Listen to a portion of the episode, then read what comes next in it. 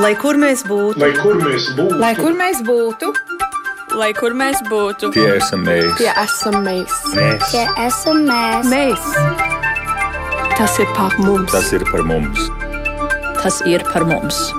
Globālais latvietis 21. gadsimts. Esiet sveicināti Latvijas radio viens klausītāji. Mēs raidījumu globālais latvietis 21. gadsimts veidotāji šobrīd esam Valmierā. Un mēs sākam savu skanējumu tiešraidē no Valmieras, no Valmieras koncertzāles. Un man ir aizdomas, ka Latvijas radio viens pirmo reizi ir tiešraid no Valmieras koncertzāles. Šeit jau divas dienas norit Pasaules Latviešu ekonomikas un inovāciju fórums, kuru ministru prezidents Krišjānis Kariņš ir nosaucis par unikālu pieredzes esenci. Divu dienu garumā latviešu uzņēmēji no visas pasaules satiekas ar mērķi attīstīt un atbalstīt mūsu valsts uzņēmē darbības potenciālu un viens no pamatjautājumiem - Latvija. Ko stāstīt darījumu partneriem? Fórumu rīko Pasaules Brīvo Latviešu apvienība sadarbībā ar Latvi Valmieras pilsētas pašvaldību. Un, uh, Tāpēc arī mēs esam Valmierā un šodien raidījumam Globālais Latvijas 21. gadsimts atvēlēto laiku mēs veltīsim sarunām ar uzņēmējiem un fórumu dalībniekiem, lai noskaidrotu, kas tad šeit ir izdiskutēts. Un fakts, ka Valmiera savās mājās uzņem uzņēmējus no visas pasaules, droši vien nav bez iemesla, bet kāds ir tas iemesls, to es tūdaļ jautāšu Valmieras pilsētas pašvaldības priekšsēdētājiem Jānim Baikam. Sveicināt Latvijas Radio 1! Sveicināti! Jūs šodien ā, fórumā runājāt par to, ka nu, ne tikai tāds uzņēmumu veiksmes stāsts ir tas, kas var piesaistīt investīcijas kādam reģionam, bet tas, ka fórums notiek jau otro reizi Valmierā, vai tas arī ir tāds jūsu Valmieras reģiona veiksmes stāsts?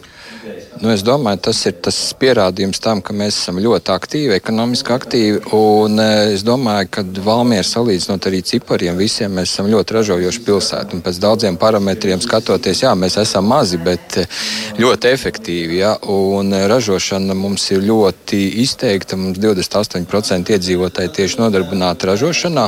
Tāpēc, skatoties uz šādu fórumu, mēs redzam, ka mēs nevaram būt tikai iekšēji paši savā su sulā šeit, iekšēji Latvijā ja, bet mums ir jāiet tālāk uz āru. Un, un, tāpēc ir bija jāmeklē veidi, kā šo visu padarīt daudz globālāku. Nevis tikai Latvijas līmenī, bet daudz augstākā līmenī. Tā līdzinējā Valmieras pieredze ārvalstu investoru piesaistē ir bijusi ar pluszīmi, jo es gal galā skatos, man šeit blakus stāv uh, buklets, kur ir rakstīts uh, Valmiera Eiropas nākotnes pilsēta. Nu jā, nu šo visu, to, ko mēs līdz šim esam da darījuši, arī ir novērtējuši dažādi biznesa laikraksti, biznesa pētnieki arī ārpus Latvijas. Īpaši droši vien vērtīgākais novērtējums ir no Financial Times, ja, kas ir biznesa žurnāls, ja, un, kuri gan 18. gan 19. gadā ir piešķīruši Valmierai trešo vietu mikro, Eiropas mikropilsētu kategorijā par veiksmīgu ārvalstu investīciju piesaisti. Ja, kas ir, tas, kas ir tā jūsu veiksmes atslēga? Es domāju, ka tas, kas ir, tas ir pirmām kārtām mūsu cilvēki, otrām kārtām visi šie mūsu veiksmes stāsti, visi uzņēmumi, kas ļoti veiksmīgi darbojās, atrod šos kontaktus, eksportē ļoti labus produktus. Ja, tas, Piemēram? Nu, sākot, es domāju, ar Valmijas stikla šķiedru, Valpro, tagad Baltma, ir Patex Insulation. Ja? Tie ir vairāk uzņēmumi, kas vienkārši rada tādus produktus, kas tiek izmantot visā pasaulē. Nu, man tie produkti interesē. Produkti, nu, produkti, jā, nu, produkti ir tādi, kas tiek izmantoti, e, nu, piemēram, Valmijas stikla šķiedrs, protams, audumi, kas tiek izmantot ļoti plaši, sākot no lidmašīnu saloniem, jā, beidzot ar mobīliem telefoniem, jā, un e, kaut arī ēku tapetēm. Ja? Nu, piemēram, Wunder, kas ir IT jomas uzņēmums, ir izveidojis mājaslapu, piemēram, MTV, ja? kas ir mūzikas kanāls, starptautiskais. Ja? Tie ir tādi nu, globāli mēroga produkti, ko mēs ikdienā arī pataustīt. Ja? Protams, degvielas kanāls, es domāju, tas ir vispār viens no Valmieras simboliem, ja? ko ļoti plaši izmanto arī NATO armijā. Ja? Un, Un tas ir, tas ir tapis šeit, šādā mazā pilsētā, Valmjerā. Par to degvielas kannu mēs vēl redzījuma turpinājumā runāsim un noskaidrosim, ko tieši tas nozīmē un kāpēc Valmieras simbols ir degvielas kanna. Bet šais divās dienās izrunātajā, sadzirdētajā, iz, izdiskutētajā, kas ir tas, ko jūs kā pilsētas galva ņemsit sev līdzi, kas tas, kas jums iekrita sirdī? Es domāju, tā, ka uh, to, ko mēs esam dzirdējuši šajās divās dienās, viens ir galvenais ir pateikt to mūsu stāstu, ka, lai es gribētu vairāk nevis uh, kad mēs kaut ko vēl papildus sadzirdam, bet arī, kad valstiskā līmenī vairāk ir jāsadzird par šīm lietām. Jā, es domāju, ka šeit izskanēja ļoti daudz lietas un stāstu, kas ir jāizmanto vispār, lai mēs kā, kā, kā Latvija izietu ar tādu kopīgu labo stāstu, lai visi atpazītu nevis tikai porziņģi, bet arī atpazītu Latviju. Otrs ir, es domāju, ka šis bija tāds, ko pašvaldība radīja iespēju. Tas ir ne tikai Valmierai, bet es domāju, visai Latvijai, daudziem uzņēmējiem tieši šos tiešos kontaktus, tiešo pieredzi. Ja? Tas ir viens no tiem, ko pašvaldība var darīt, radīt šos apstākļus, radīt šīs iespējas. Jo nu, šeit bija tāda mēroga. Eh, nu, cilvēki, uzņēmēji no visas pasaules, kas darījās, dalījās ar savu pieredzi. Nu, tas uzņēmējiem bija vienkārši jāatbrauc un jāpaņem, ja, un, un jāizmanto šī iespēja. Protams, arī tas, ka tiešraidē gāja šis viss, es domāju, ka arī daudz arī noskatījās. Ja, un, nu, šie cilvēki ir pateikuši, ka viņi ir gatavi palīdzēt Latvijas uzņēmumiem. Es domāju, tas ir tas, ko mēs esam sasnieguši, ka tas, tas ir tas galvenais rezultāts. Un, jo labākies uzņēmējiem, jo labākies pašvaldībām un valstī. Nu, tad tādi ceļvārdi skatam nākotnē. Divus gadus pēc kārtas ir noticis šis uh, pasaules latviešu ekonomikas un inovāciju fórums šeit, Valmierā. Vai nākamgad jūs esat gatavi atkal atvērt savas durvis pasaules latviešu uzņēmējiem, vai jūs tomēr iesakat kādai citai pašvaldībai pamēģiniet to un jūs redzēsiet, tas ir to vērts? Es domāju, tā pēc visas šīs globalizācijas, kas mums ir, ja, e, mēs esam gatavi atkal visu sapulcēt. Ja Pasaules Brīvā Latviešu apvienība izvēlēsies mūs par sadarbības partneriem, mēs vienmēr esam viesmīlīgi, vienmēr esam gatavi izdarīt. Un, uh, galvenais ir tas, kad, ko mēs domājam, kad ir izvilkt ārā šos cilvēkus arī uz reģioniem. Jo bieži vien ir tā, ka Latvija visiem asociējas ar Rīgu, un tas, kas notiek tālāk, ir nu, daudziem bieži nesaprotami. Ja? Un īpaši tie, kas atbrauc no tālām valstīm vai no lielām pilsētām, ja viņi saprot, kas ir Rīga, bet pārējā Latvija liekas, ir tāda liela lauka, kur varbūt nekas vispār nav. Ja? Un būtiskais ir izvilkt uz reģionu un parādīt, ka šomēr šeit ir ļoti aktīva dzīvība, un es domāju, arī visas Latvijas stiprums arī tas, cik būs stipra reģiona. Paldies, paldies! Šajā brīdī es saku Valmieras pilsētas mēram Jānim Baikam. Fonā jūs dzirdat, ik pa brīdim ir gan uzrunas, gan aplausi, jo rīt pēdējā divu dienu fóruma stunda. Un vakar Četrās sesijās uh, tika diskutēts par to, kā izstāstīt Latvijas stāstu sev un pasaulē. Tika vētīts to, kā un vai izglītība ir nākotnes ekonomikas dzinējspēks, ko stāstīt par Latviju biznesa partneriem un kāds tad ir tas Latvijas potenciāls piesaistīt un noturēt talantus. Bet bija šodien savukārt tā iespēja iepazīties ar dažādu Latvijas uzņēmēju pieredzi un biznesa vidi Āzijā, Amerikā, Kanādā un Skandināvijā. Un, protams, tas domājot par to, kā meklēt sadarbības iespējas ar Latviju. Un šobrīd man blakus ir Jānis Bergs, SAF tehnika valdes loceklis, uzņēmējs un investors. Un šobrīd uh, jūs uh, esat uh, nevis no Latvijas, bet es saku, ka jūs esat no ASV, pareizi? Jā, es esmu no Denveras. À, jums nav vispār akcenta. Bet es jau esmu dzimis audzis Latvijā. Es tikai pēdējos eh, piecus gadus esmu tajā Denverā. Kā jūs tur nonācāt un kāds tad ir šobrīd tas jūsu status uzņēmumā, arī to starp eh, cik darbinieku? 16. Nē, ir tā, ka eh, es nonācu tur tā, ka. Uh, Nu, man Latvijā beidzās viens biznesa projekts, nu, un man uh, vajadzēja kaut ko domāt, ko darīt tālāk. Uh, Un eh, tad man nu, brālis ir vadītājs savai tehnikai, Normons Bergs. Viņš teica, nu, varbūt tu gribi aizbraukt uz gadu, tur drusku palīdzēt Denverā filiāli. Nu, sakārtot un pavadīt. Es teicu, labi, es solos uz gadu, ka es braukšu. Gads izskatās ievilcies piecos gados, bet, nu, labi, jūs aizbraucāt. Es, Nu, labi, bet jūs aizbraucāt. Nu, jūs aizbraucāt nosacīt, nu, tā kā tādā jau, jau, jau gatavā vietā, vai jums bija viss jāsāk no sākuma un bija sevi pašam varbūt jāpārliek kādās citās vietās, kur jūs pirms tam bijāt rosījies? es, es aizbraucu esošā vietā, bet man tur vajadzēja paņemt slotu un lāpstu un mazliet to visu pārbūvēt un iztīrīt. Bet jūs tā kā priekšnieks aizbraucāt, un tā slota un lāpsta, sakiet, lūdzu, ir pārnestā nozīmē. Jā, es, es, es aizbraucu tā, ir atbraucis priekšnieks no Latvijas, un tad, nu, kā jau atsūtīja revidentu. Nu, Tad kādas jaunas ir tās prasmes, ko jums pašam nācās apgūt, nokļūstot Amerikā? nu, to es arī šodien stāstīju. Ja klausītāji nedzirdēja. Jā, es domāju, pirmā prasme, kas man, man nācās apgūt, ir iemācīties runāt angliski pa telefonu. Nu, telefonu visādas, jo Amerikā attālumi ļoti lieli, tu nevari aizskriet pie klienta. Un, uh, gan arī lielākā mana dienas daļa paiet runājot pa telefonu angļu valodā. Un, uh, sākumā viņi nesaprata, ko es runāju, un es nesapratu, ko viņi man saka, lai gan man likās, ka es angliski protu labi. Proti, pietrūka žestu valodas, līdz ar to nevarēja viens. Es, es, nu, es teiktu, drīzāk nu, kaut kāda tāds kultūrālais konteksts un vienkārši nu, kā lietām ir jā, nu, kā tu runā. Bet tieši tā spēja komunicēt pa telefonu, tas man bija pirmā lieta, kas man bija jāapgūst. Vēl?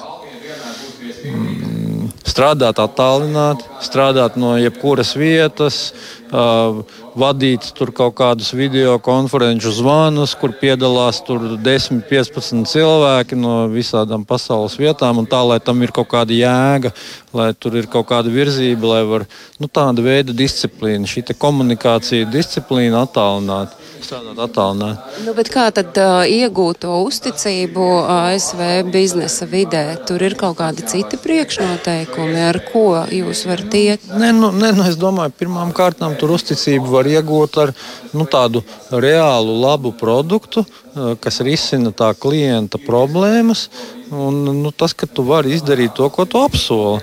Un, nu, ja tu kaut kā konsekventi to dari, eh, tad nu, ar laiku jau tu iepazīsti cilvēkus tajā nozarē, kas darbojas, un arī tevi sāk pazīt. Bet, nu, Bet tas laiks ir cik ilgs tas laiks? Jūs tagad esat piecus gadus, un tas jūsu produkts atklājat klausītājiem. Jā, Softehnika eh, ražo telekomunikāciju produkts. Tas ir priekš datu pārraides, priekš interneta, radio. Eh, Tas ir viens. Arī mēra instrumentus, mēra aparātus, piemēram, priekš mobiliem operatoriem, priekš bāzes stāciju tur uzstādīšanas.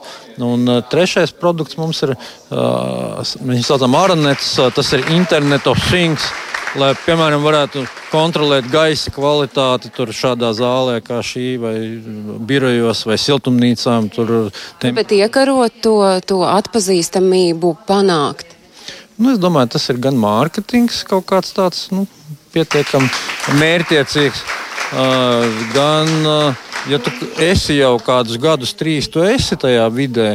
Uh, nu, tad tev sāk pazīt, tad pēkšņi tos telefons sāk zvanīt. Nu, paiet trīs gadi, un tad telefons sāk zvanīt. Tad, tad trīs gadi ir tas laika nogrieznis. Bet, nu, ja ir tā, bet, ja ir tā jāskatās uz to biznesa vidu Latvijā, jums ir iespēja salīdzināt nu, tādas krasākās, varbūt atšķirības.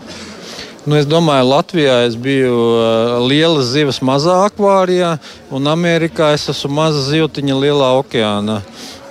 To ir viegli pieņemt un ar šo sajūtu pārslēgt sevi. Nu, nu, tas prasa pārslēgšanu. Jā. Nu, piemēram, es šeit atbraucu, es esmu celebrity.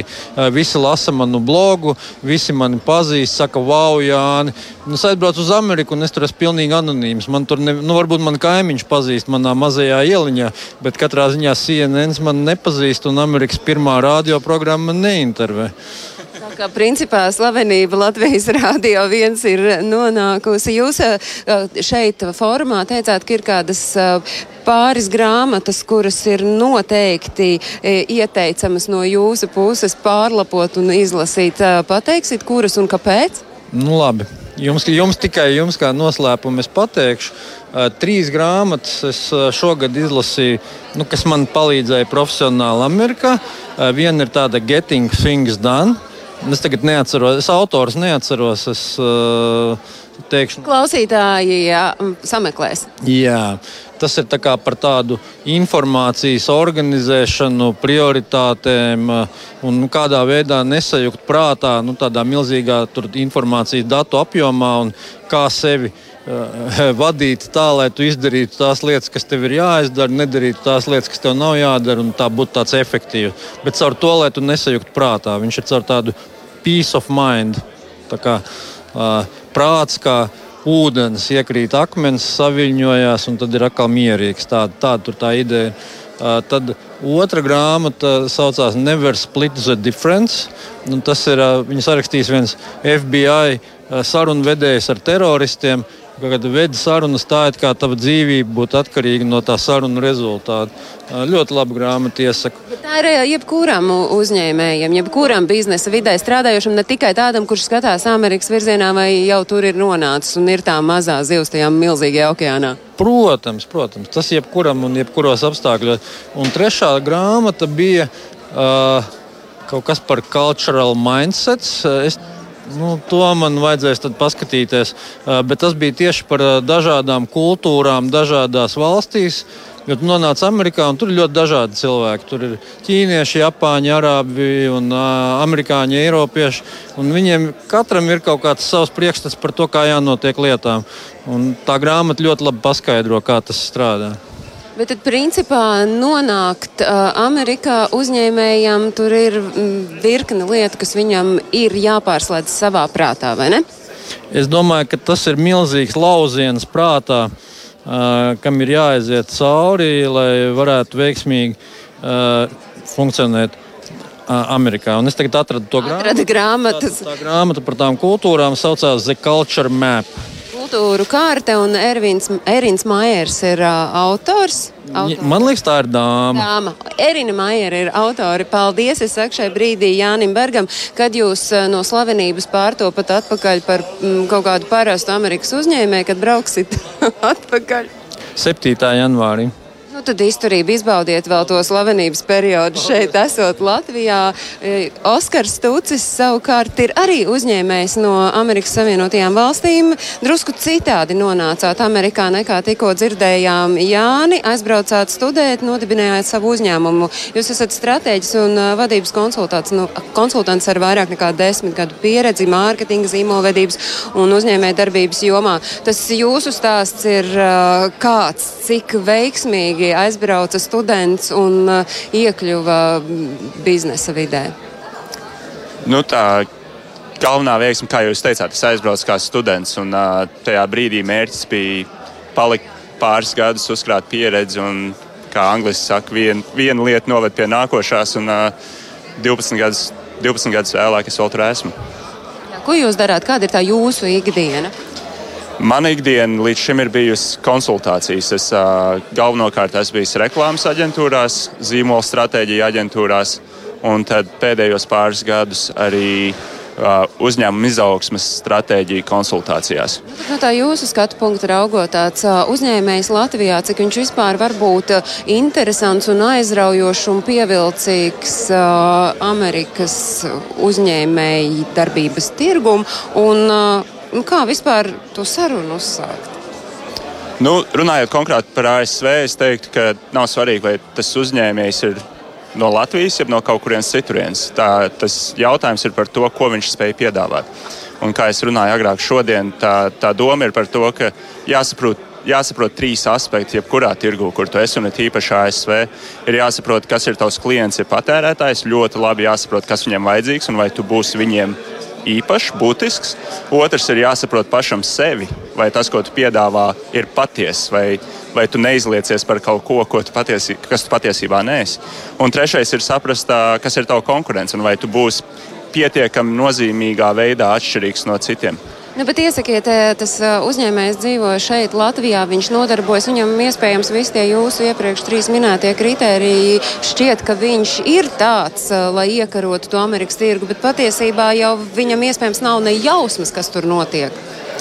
Nu, kā reklāmas un zīmola nozares pārstāvis, es teikšu, viss sākās ar, ar tirgus saprašanu. Un katrs savā prātā var domāt, ka mēs esam ļoti, ļoti īpaši. Angliski saka, ka, ka mēs esam sniegpārsliņas, kas katra ir atšķirīga, bet patiesībā visas sniegpārsliņas ir vienādas. Tā no malas skatoties. Un līdz ar to, ja tu gribi būt īpašs patērētājiem, ja biznesa partnerim ASV, tev, tev jāsaprot, kas viņiem ir svarīgs, nevis kas tev ir un ko tu gribi pārdot. Nu, kas ir tas, kā savukārt piesaistīt uh, investorus no Amerikas Savienotajām valstīm šeit Latvijai? Tieši tie paši priekšnoteikumi? Es domāju, tie priekšnoteikumi tādā fundamentālā līmenī ir tie paši. Tev jāsaprot, kāpēc investors gribētu kaut kur investēt. Tad, attiecīgi, jāskatās investīciju iespējas Latvijā kā produkts, ko mēs piedāvājam potenciālajiem investoriem. Vakar formā izskanēja tas viedoklis, ka Latvijā vajadzētu domāt par to, kur rast darba spēku un ka iespējams tas būtu jāieved. Jūs redzat, ka tas ir kāds nebūtu risinājums kādiem sasāpējušiem jautājumiem uzņēmēja darbības jomā šeit pie mums Latvijā? Tieši darba spēka ieviešana.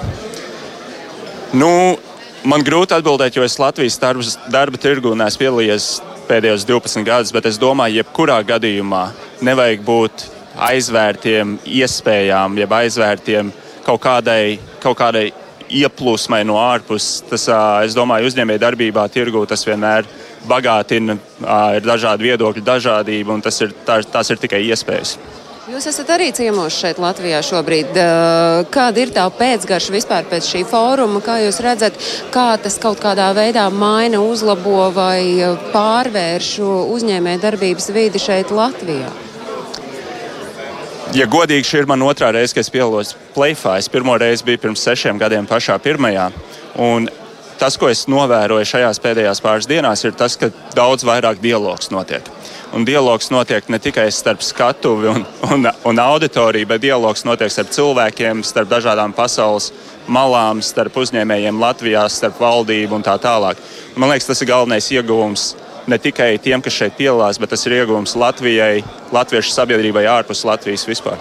Bet jūs varat izstāstīt, kāds ir tas ieguvums? Es te klausos, ieguvums, ieguvums galā, bet kā, kā šķiet no tā savu skatu punktu raugot, kāds tieši ieguvums? Nu, piemēram, Latvijas radio klausītājiem varētu būt kāds ieguvums. Es domāju, man personīgi galvenais iegūms, un es pieņemu, ka daudziem citiem arī ir tā, tā apziņas veidošanās, ka mēs, mēs varam izdarīt vairāk nekā es individuāli varu. Es zinu, ka ir konkrēti cilvēki, pie kā es varu vērsties, un es zinu, ka ir arī cilvēki, par kuriem es varbūt nezinu, bet viņi eksistē. Un tas dod man šo priekšstatu un, un apzini, apzināšanos, ka, ka patiesība ir tur ārā. Patiesība ir gan tur ārā, gan arī šeit Latvijas radio viens. Mēs raidām no Valmieras, no Pasaules Latviešu ekonomikas un investīciju fóruma, un es saku paldies Oskaram Stūcim, uzņēmējam no Amerikas Savienotajām valstīm. Man ir žēl, ka jūs nevarat piedalīties mūsu raidījumā tā, ka jūs redzat mūs, jo Oskars, ticiet man, absolūti no malas paskatoties neatgādina uzņēmēju. Viņš nav uzvalkā, viņam ir kājās, ja nekļūdos, kedas rūtains krekls. Šobrīd man blakus ir Pauls Miklaševičs, uzņēmējs no Kanādas, bet šobrīd šobrīd ir uzņēmējs Latvijā. Jūs gan izskatāties, pēc tāda krietna uzņēmēja. Esmu bankieris. no banķierim vienmēr ir jābūt nu, tā, lai var atpazīt. Jūs Eh, man varat atklāt, eh, jums ir tāda pamatīga pieredzes bagāža uh, dzīvot un strādāt uzņēmēji darbībā valstī, ko jūs paši pozicionējat kā iespēju zemi. Tie, kuri tur ir pamēģinājuši darboties valstī, kas ir desmitā lielākā ekonomika pasaulē, jūs esat ārkārtīgi atvērti. Es nezinu, kāpēc saku jūs, domājot Kanādu, at, atvērti ikvienam, kurš grib nākt un darboties Kanādā. Bet, um, Kāpēc kāds savukārt no Kanādas būtu ieinteresēts nākt un investēt šeit, Latvijā, Baltijā, kā jums šķiet? Jā, es dzimu uzaugu Kanādā, un tagad dzīvoju Latvijā 11 gadus. Latvija ir mana tēvzeme, un, un man bija veiksmīgi veicies biznesā Kanādā. Strādāju ar, ar investīcijām, akcijām, tā tālāk vienā investīcijas fondā. Un, uh, man bija tāda, tāda iespēja, ka es varēju pamēģināt pārvākties uz Latviju. Un, un man sanāca tā, ka es trāpīju tieši, kad, kad sākās krīze. bija ko nožēlot pirmos pāris gados, bet uh, nu, ko, latvieši māk cīnīties un, uh, un, un Latvija ir atguvusies no krīzes. Un, uh, Sakiet, vai jūsos tajā brīdī arī ieslēdzās tāds riktīgs latvieša gars, jo jūs neaizmukāt, jūs palikāt? Nē, man ieslēdzās, protams, tāda spītība, un uh, kad es tik un tā izvilkšu, un bija tādi mirkļi, kad. Uh, kad varbūt tomēr būtu jādodas apkārt uz Kanādu un parunāties ar bijušiem kolēģiem un, un tā tālāk. Bet katru reizi kaut kas, kaut kas notikās, kas atvēra nesagaidītas durvis. Un, un šeit joprojām atrodos. Un, un, jā, es, es mīlu šo valsti un man patīk šeit dzīvot. Jums ir iespēja salīdzināt biznesa vidi Latvijā, biznesa vidi Kanādā, plusi, mīnusi, atšķirības, kopīgais. Jā, tā, tā, tā lielākā iespēja Latvijā tieši ir tas, ka, Lat ka Kanādā jau daudz ir sakārtots. Un, ja mēs mācīsimies no dažādām tām pozitīvām īpašībām, kas ir visveiksmīgas Kanādā, tad mums piederēs pasaule šeit. Un, un es domāju, ka, kad, kad plēfa nozīme šajā kontekstā ir tā, ka mēs varam, ka Latvijas uzņēmēji skatīties, kā lietas notiekās citur pasaulē, kur jau pierādīts, ka, šīs ir veiksmīgas stratēģijas, ir, ir veiksmīgi sadarboties, ir veiksmīgi būt atvērtām uz citām tautībām. Un jo vairāk tos atvērts, arī jāsaprot, jo vairāk viņi būs atvērti pret tevīm Un tas ir ļoti svarīgi, ka mēs varam sēdēt Latvijā un domāt, ka nu, es nu, nezinu par šādiem un tādiem un, un tā tālāk. Bet, bet kā jūs tiešām domājat? Viņi domā par jums, līdz kamēr jums nav kaut kāda sadarbība vai saikne. Un vienkārši domāt, tā, tā kā attālināt pats, pats paspērt viens soli pa malas un skatīties uz Latviju no, no ārpuses. Un... To jau ir sasodīt grūti izdarīt, esot iekšpusē. Bet tas, kas mani mazliet varbūt dara bažīgu, tas, ko jūs savā vēstījumā šodien fórumā uz skatuves uzstājoties, teicāt, ka Kanāda ir tik ļoti atvērta un ka jebkurš principā, ja vien viņam ir tāda veiksmīga ideja, viņš taptu tur pieņemts, jūs esat arī atvērti tieši dokumentu ziņā, varbūt mazāk mazāk birokrātijas, lai cilvēks varētu uzsākt uzņēmēju darbību Kanādā. Nav tā, ka viss tagad šito saklausīsies un aizbrauks prom un neviens nepaliks šeit Latvijā ar uzņēmēju darbību. kad es, jā, nu, es teikšu tā, kad es šeit pārvācos 8. gada beigās, tad es domāju, pret manis gāja, gāja uz otro pusi kā 200 tūkstoši latviešu. Bet ne varbūt tikai uz Kanādu, bet, bet uz, citrienu. Uh, teiksim tā, Latvijā ir, ir, ir ļoti forši dzīves apstākļi, un, un es domāju, ka mēs virzamies uz pareizo pusi. Teikšu tā, Kanādā dzīvoju Toronto, tā ir pilsēta ar 5 miljonu iedzīvotājiem. Lai doties uz, uz mežu, lai uz, uz laukiem pēc darba piekdienas vakarā, nu, var sagaidīt 4 stundas satiksmi tu nokļūst savā, savā, savā meža mež mājiņā, tā tālāk ir jau pusnakts, iedzer glāzi vīnu. Kā, nu, Jābrauc jau atpakaļ. Ir, jā. Nākamā dienā, nākamā dienā, sestdienas pēcpusdienā, tu jau sāc domāt, cik uz svētdienu man būtu jāizbrauc, lai nesēdētu četras stundas satiksmē. Nu, tas nav, tā nav dzīves baudīšana. Jā?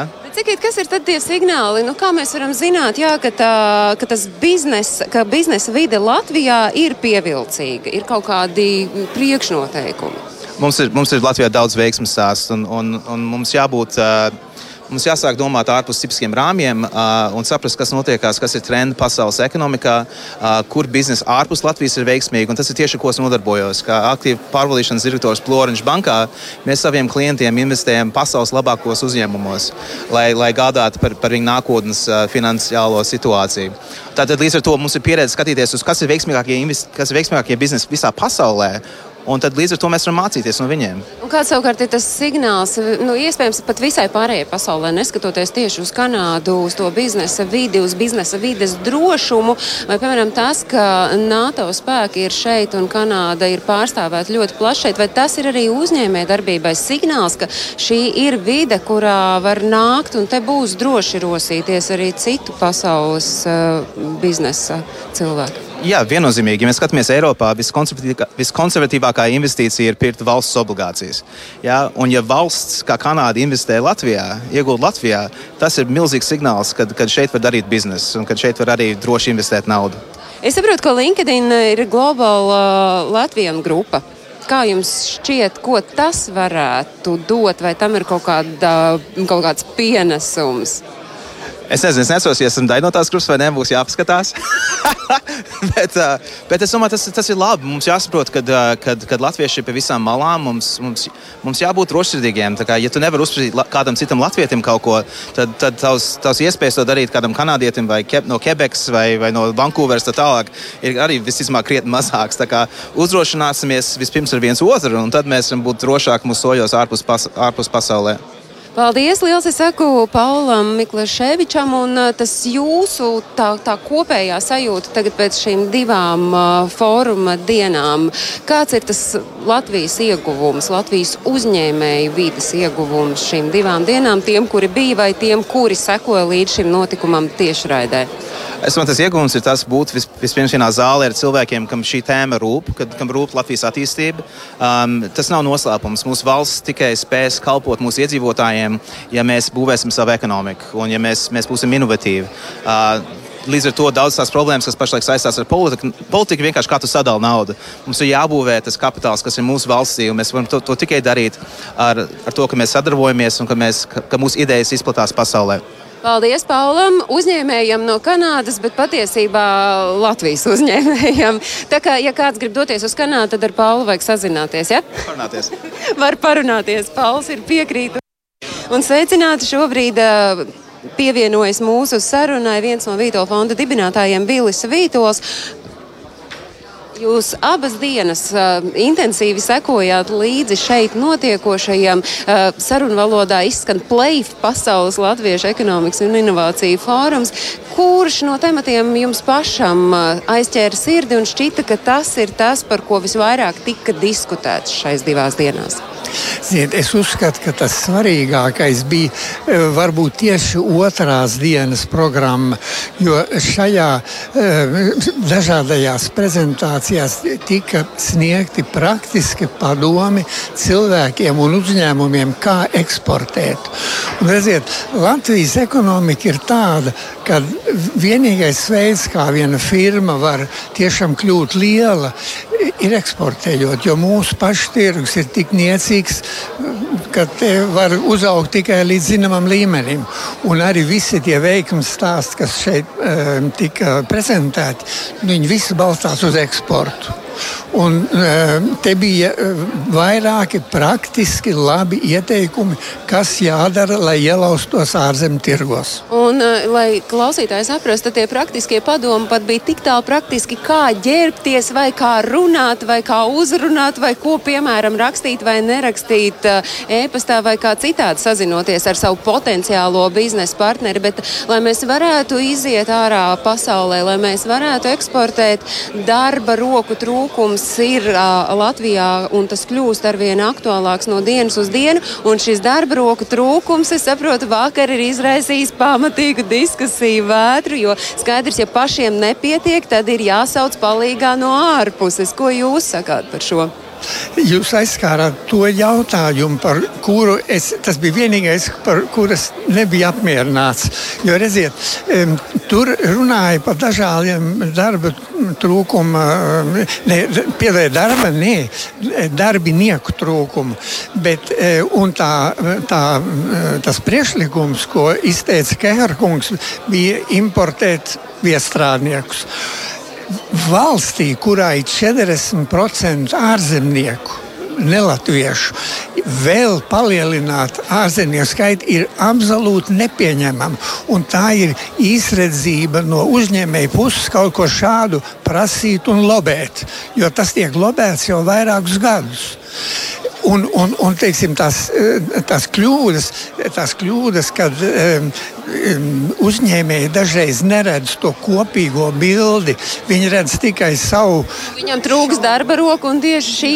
Bet es domāju, tieši šī iemesla dēļ arī šis temats bija viens no viskaismīgāk izdiskutētajiem vakardien. Bet tas tādā noslēdzot sarunu ar jums, Vitālkungs, es gribu jautāt, tomēr, vai tad nav jāskatās uz to, kā izglītība kļūst par to mūsu nākotnes ekonomikas dzinējspēku? Mūsu galvenā problēma ir demogrāfija. Un tā, tā, tas, tā ir tā joma, kur vajadzētu ieguldīt lielākos līdzekļus. Kas notiek pašlaik? Valdība patreiz ir uzstādījusi kā prioritāti labklājību. Mediķi protestē. Katram vajag savu, vai ne? Katram vajag savu. Bet visas šīs lietas sabruks, ja mums nebūs vairs latviešu vienkārši. Nu? Nu, tad darīsim visu, lai latvieši top un vairojas, jo es saprotu, ka mūsos ir milzīgs potenciāls. Es saku šai brīdī paldies vienam no Vītola fonda dibinātājiem, Vilim Vītolam. Jūs varat doties sarunās ar pārējiem fórumu dalībniekiem. Un šobrīd man sarunai pievienojas Aivars Flemings, kurš ir viens no Valmieras veiksmes stāstiem, un jūs būsiet tas cilvēks, kurš man varēs pateikt, kā tas nākas, ka Valmieras simbols ir benzīna kanna. Labdien! Eh, nu, vēsture maz drusciņā. Tātad uh, benzīnkānas Valmierā ir ražotas jau ļoti, ļoti, ļoti sen, kopš 1956. gada. Jā, tas ir vēl pirms uh, Latvijas brīvvalsts atgūšanas. Bet, protams, pēc uzņēmuma privatizācijas, kas bija valsts ugunsdzēšanas iekārta rūpnīca, bija kaut kā jāsāk šī produkcija tirgot ne tikai uz austrumu pusi, bet arī uz rietumiem. Jā, jā bet saprotiet, es tagad skatos, ka jūs vairāk no nekā 90% no saražotās produkcijas eksportējat uz 32 valstīm, un vieni no jūsu sadarbības partneriem ir NATO dalību valstu armijas. Nu, sakiet, kā viens čalis no Valmieras kaut ko tādu vispār var panākt? Čalis no Valmieras nevar, bet vesela komanda to var. Un, un veiksmīgs gadījums 90. gadu beigās Vācu kompānija Berlīno nolēma, ka kļūs maksātnespējīga, kas deva iespēju Valpro iegādāties labākas iekārtas. 2000. gadā pirmie pasūtījumi no Vācijas un Beļģijas, un Valpro sasniedza to kvalitāti, kas ir militārā ar speciālām prasībām, speciālām vajadzībām. Vairāk kā desmit armijas jau ir tie, kas mūs lieto, viņas zina mūsu tehnisko cilvēku iespējas un spējas pielāgoties viņu vajadzībām. Bet tas nozīmē, ka, lai jūs varētu tādā starptautiskā aizsardzības industrijā sevi pieteikt, tad kvalitāte un spēja izpildīt to, ko pieprasa tieši šī aizsardzības, in, in, uh, aizsardzības industrija, tas ir tas, kas jums ir uh, vajadzīgs arī kādam citam. Jā, apliecinājums mūsu varēšanai un arī kvalitātei ir tas, ka uh, Šī mēnesī mēs vinnējam NATO apgādes aģentūras konkursā ar līgumu uz pieciem gadiem par šo kannu piegādi NATO armijām. Tā kanna izskatās tāda pati kā parastā degvielas kanna, vai tur ir kaut kas īpašs? Pa gabalu jā, bet metāls ir aluminizēts, krāsas ir specifiskas, ģeometrija un gaismas atstarošanās līnķi arī ir mērami. Paldies, liels paldies šai brīdī. Es saku Aivaram Flemingam, veiksmes stāstam no Valmieras. Vēl viens veiksmes stāsts Alvis Sokolovs metāla apstrādes uzņēmums Sijā Baltmī, valdes loceklis un arī Vidzemes augstskolā jūs esat inženierzinātņu fakultātes dekāns. Pareizi! precīzi. Man ir pareiza informācija. Nu, ko, tāda, ko nozīmē būt tādai nišas rūpnīcai metāla apstrādē? Nu, tas faktiski nozīmē visu laiku meklēt uh, jaunas, jaunas iespējas, jaunas sadarbības partnerus un, uh, un turēt to latiņu diezgan augstu. Nu šobrīd tie jūsu atrastie sadarbības partneri ir kur pasaules kartē skatot? Um, pamatā Eiropa, tie ir Zviedrija un Vācija. Un, uh, šobrīd skatāmies arī uh, Somijas virzienā. Un mums ir diezgan daudz arī uh, tepat vietējā tirgū ārpus Latvijas, kā jūs esat sastapušies ar tiem saviem sadarbības biznesa partneriem? Jūs viņiem zvanījāt, klauvējāt pie durvīm, kā jūs par sevi devāt eh, ziņu? Nē, tie bija mūsu sadarbības partneri jau no paša uzņēmējdarbības sākuma. Un tāpēc mums bija, mums bija diezgan viegli. Mēs iepazināmies caur personiskām uh, pazīšanām, caur personiskām saitēm. Un, uh, jā, tas, tas mums palīdzēja ļoti arī šo biznesu uzsākt. Bet eh, jūsu jomā ir vajadzīgi arī speciālisti. Un, eh, savukārt, kur tad, tad tos jūs piesaistāt un kā jūs noturat ar ko? No speciālistiem ir eh, diezgan grūti. Vismaz līdz šim bija diezgan grūti, jo metāla apstrādi uh, vidzemē nemācīja kādu brīdi. Šobrīd, pateicoties veiksmīgai sadarbībai ar Valmieras tehnikumu, mēs uh, nu, varam dabūt tik pie šiem speciālistiem. Un, uh, jā, tas tiešām ir ļoti laba sadarbība tikt, eh, noturēt? Tikt, jā, kā noturēt? Kā noturēt ar eh, konkurētspējīgu atalgojumu un, un, un atbilstoši arī interesantu un izaicinošu darbu.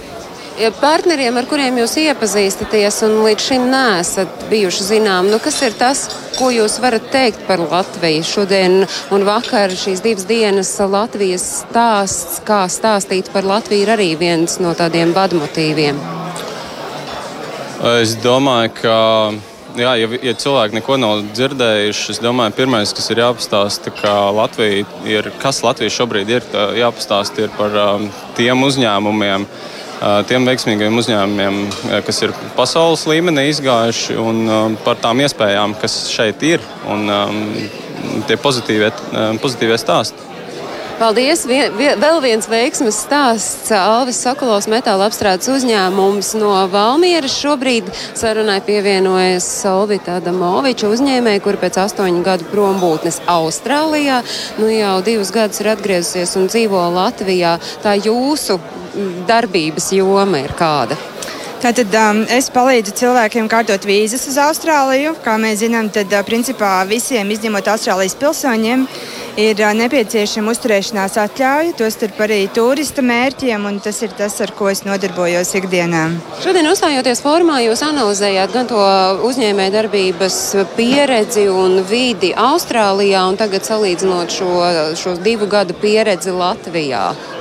Um, es teiktu, ka uh, mana pieredze Latvijā ir diezgan neliela. Jo uh, tie cilvēki, ar kuriem es strādāju, viņi ir vai nu no Austrālijas, vai radinieki kādam no Austrālijas. Es esmu bijusi tik un tā ar vienu kāju vēl turpat, kur dzīvojot Austrālijā. Vietējā darba tirgu man nav bijusi vēl līdz šim tik liela pieredze, tik cik sarunās ar klientiem, bet tas nav gluži tas pats. Jūs varat noraksturot, nu kāda ir tā savukārt Austrālijas darba vide, uzņēmē darbības vide, ar ko ir jārēķinās kādam Latvijas uzņēmējam, ja viņš nu, skatās Austrālijas virzienā, vai vispār ir vērts tajā virzienā skatīties? Noteikti ir vērts, bet uh, tas noteikti būs atkarīgs no produkta vai pakalpojuma, ko viņš vēlas uh, Austrālijai pie, piedāvāt. Un atšķirības, es domāju, vairāk ir tās kultūras atšķirības. Austrālija ir populāra ar to, ka viņiem ir šis relaksētais dzīvesveids, viņi neiesprings ne par ko daudz dzīvē. Un, un, savukārt mēs, Latvieši, esam ļoti um, strādīgi uz mērķu ejoši, bet Austrālija tāda īsti. Nu, Viņi strādā līdz uh, darba laika beigām un ne īsti ilgāk. Virsstundas nav gluži tur populārs. Līdz ar to ir kaut kādas kultūras atšķirības, bet tās ir viegli pieņemt, manuprāt, un viegli.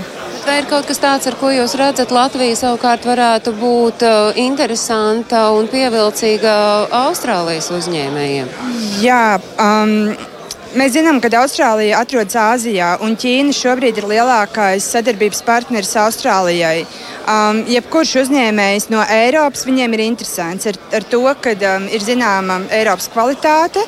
Un, un, um, Austrālijai nav īsti vēl um, pieredze par to, kas ir Latvija. Līdz ar to mēs varam veidot jaunu un, un, un savu um, priekšstatu par to, kāda mēs esam, un, un, protams, parādīt mūsu produktu un pakalpojumu kvalitāti. Tas būtu tas lielākais. Um, priekšrocības salīdzinājumā ar citiem tirgiem, kas ir Austrālijā. Iedrošinājāt. Paldies! Es saku Solvitai Adamovičai uzņēmējai no ar Austrālijas un Latvijas pieredzi, un šobrīd Aleksandrs Čākste pievienojas Latvijas radio viens klausītājiem. Biznesa vide Skandināvijā ir tas, kur jūs šobrīd rosāties, bet jums ir pieredze arī ar Latviju. Kāpēc jūs neesat Latvijā? Nu, tas nav tāds dusmīgs jautājums, tā ir tāda interese. Nē, tas nav jau jūtīgs jautājums vispār. Nu, tas bija vienošanās ar manu sievu, kad, mēs, kad bērni tiek dārziņā, kad mēs arī vācamies atpakaļ uz Zviedriju. Bet nu, man ir, un es arī tikko kolēģiem pateicu, ka nu, slepens plāns, ka mēs arī drīz varam atgriezties. Sa, ar to sakot, mums jau, man jau arī ir vēl joprojām saistības ar Latviju caur manu vienu no uzņēmumiem, ko mēs esam dibinājuši. Vai jūs varat salīdzināt Latvijas un, un Zviedrijas biznesa vidi, un vai mēs skatoties uz Zviedrijas biznesa vidi varam domāt arī par visu Skandināvijas biznesa vidi? Nu, Pārsvarā es teiktu, ka nu, Zviedrija un Skandināvija tas ir principā vienādas tirgus un biznesa kultūras. Tā kā viņi atšķirās ar Latviju, es teiktu, ka viņi birokrātija ir stipri ātrāka. Nu, daudz var kārtot digitālā veidā, un nu, nav tie zīmoļi. Un, Vajag staigāt apkārt un dabūt paraksts visu, visās vietās. Bet, e, teiksim, kad iet pie lēmuma un iekšā biznesā, es teiktu, ka Latvi, Latvijas uzņēmumi ir stipri ātrāk nekā Zviedrija kā piemērs. Tāpēc tur visiem vajag dabūt ko teikt, un tas nu, prasa laiku. Bet Latvijā nu, tā raitāk iet. Es Savukārt, skatoties uz to, cik vienkārši ir uzņēmējiem no Latvijas nokļūt uh, Zviedrijā, arī Skandināvijā droši vien. Tā, nu, tagad nav iemesls neiet e, Skandināvijas tirgu. Nav, nav, nav nekādas bloķēšanas e, lietas. Tur, tad, Es nedomāju tādu bloķēšanas lietu. Es vienkārši domāju par to, nu, kas ir tas, ar ko, ar ko ieiet. Vai, vai tam ir jābūt, te visi saka, ir jābūt kaut kam unikālam, uh, un tev ir jābūt kvalitāte, unikalitāte, nu, ka ir kaut kā, tev ir jābūt tik īpašam, un tad tevi pamanīs. Nu, lai būtu veiksmīgām, jebkurā jomā, tev vajag būt vien, viens piedāvājums, kam ir tā pievienotā vērtība. Un tas varētu būt nu, Skandināvijā, vai Āzijā, Āfrikā. Pat. Lai, tikai lai tev ir tā pievienotā vērtība savā produktā vai pakalpojumā. Un tas man liekas, mums Latvijā ir tie talanti. Tiksim, IT speciālisti un programmētāji, mums ir celtniecība, mums arī ir amatnieki. Nu, mums ir cilvēks, kas ir inženieri, ļoti vareni. Un ar visām tām jomām mēs varēsim arī iekarot vairākas valsts. Un savukārt, ar ko Latvija varētu būt pievilcīga Zviedrijas investoriem no Zviedrijas, kas ir tas, kas ir tās Latvijas kvalitātes? Nē, nu, tur mums jau ir divi labi piemēri Rīgā. Taxi Courier un Circle K. Viņi ir pārveidojuši visu savu telefonu centrālu un administratīvā daļu Latvijā, Rīgā. Vairākus simtus darba vietas. Un tas ar administratīvām lietām liekas, mums ir eh, baigi spēcīgs piedāvājums. Tāpēc vēl joprojām mums ir mazliet zemāks atalgojums. Mums arī ir geogrāfiskā novietojums, ir labs administratīvām lietām. Tāpēc mēs vēl joprojām uz. Nu, daudz maz to pašu pulksteni, kas Skandināvijā ir. Tā kā mēs varam apkalpot klientus arī no Latvijas. Protams, šeit ir tas tuvums un, uh, un, un nav attālums, nav šķērslis. Šīs divas dienas fórumā, kas ir tas, kas uh, jums palika vispilgtāk atmiņā, kas ir tas, ko jūs paņemat līdzi? Nē, nu es pats iemācījos daudz no šīs dienas e, semināra.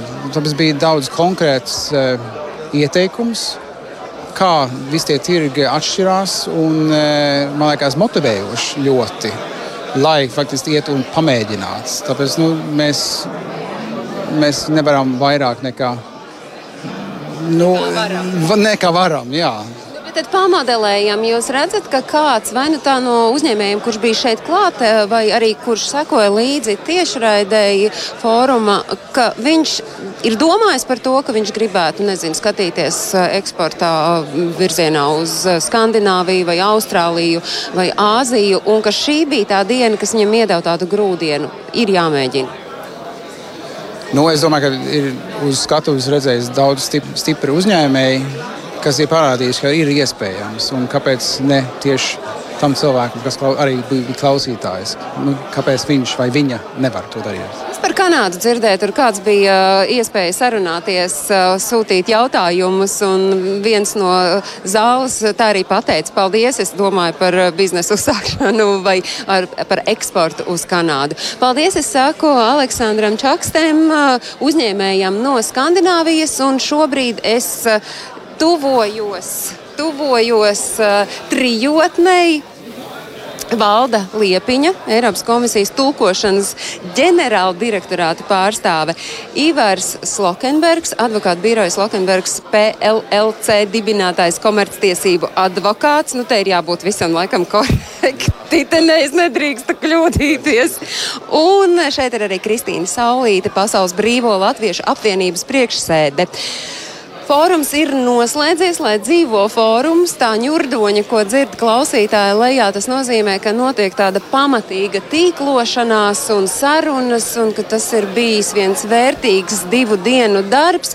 Vai jūs varat aplūkot, nu tā, kas ir padarīts un vai no tiem mērķiem, kas sākotnēji bija uzstādīti Pasaules Latviešu ekonomikas un inovācijas fórumam, ir arī izpildīti? Sākam ar jums, Valdi. Ah, nē, jā, tā sākam ar jums. Labi, es jau nebiju pie uh, mērķu izstrādes. Bet tad jau jums ir visvieglāk paskatīties, jo tie, kas izstrādāja mērķus, mēģinās varbūt tur kaut kā. Bet man tieši ir interesanti, jo šis bija trešais fórums, kurā es piedalījos kā moderatori.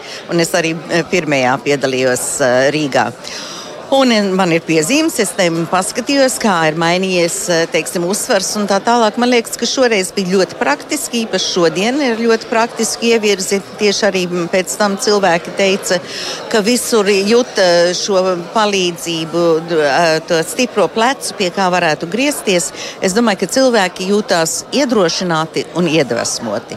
Un man liekas, ka tas arī ir daudz.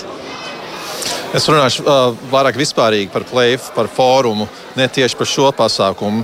Jo mērķis mums šeit, kā jau nu teicu, noslēguma vārdos, ir uh, apvienot globālos latviešus, tos tūkstošos latviešus, kas ir izbraukuši dažādos laika periodos, pie kuriem visiem sirdī ir Latvija, tās labklājība un ir gatavi palīdzēt viens otram. Fóruma mērķis ir apvienot viņus, lai mēs varam atrast viens otrus, izmainīt inf informāciju un veidot biznesa sakars un attiecības, un šajā veidā uh, celt vienu otru labklājību un arī valsts labklājību es atļaušos teikt tādu vārdu, ka es esmu sajūsmā. Es esmu sajūsmā par uh, visiem tiem brīnišķīgiem cilvēkiem, uh, kuri bija tik laipni un teica, jā, Kristīne, es piedalīšos. Visiem moderatoriem, jo ja mēs zinām, ja moderatori nebūtu labi, tad būtu grūti izveidot labus paneļus. Mums bija ļoti interesanti runātāji, jo mēs šogad kopā nevis runājam par problēmām tik daudz, bet mēs meklējām risinājumus un arī atradām risinājumus. Un trešais bija bija ļoti laba publika. Pirmajā dienā mēs runājam par lielo par Latvijas tēlu, par izglītību, par, par um, talantu piesaistu noturēšanu. Zāle mums bija pilna un ļoti atsaucīga. Un otrā diena, kā um, valde minēja, arī tā ļoti praktiskā diena. Šodien mēs burtiski savedām kopā cilvēkus, kuri vēlās eksportēt. Otrā pusē ir cilvēki, kas ir gatavi uzņemt. Uh, tā kā es teikšu, ka viss ir izcili izdevies. Tad tas nozīmē, ka, ja gadījumā kāds šeit nebija, vai ir kāda vietne, kur to informāciju visu var izķeksēt, jo gal galā arī noklausoties Latvijas radio raidījumu globālais Latvijas 21. gadsimts, kāds teiks, o, te bija tāda informācija, ko man vajadzētu uzzināt.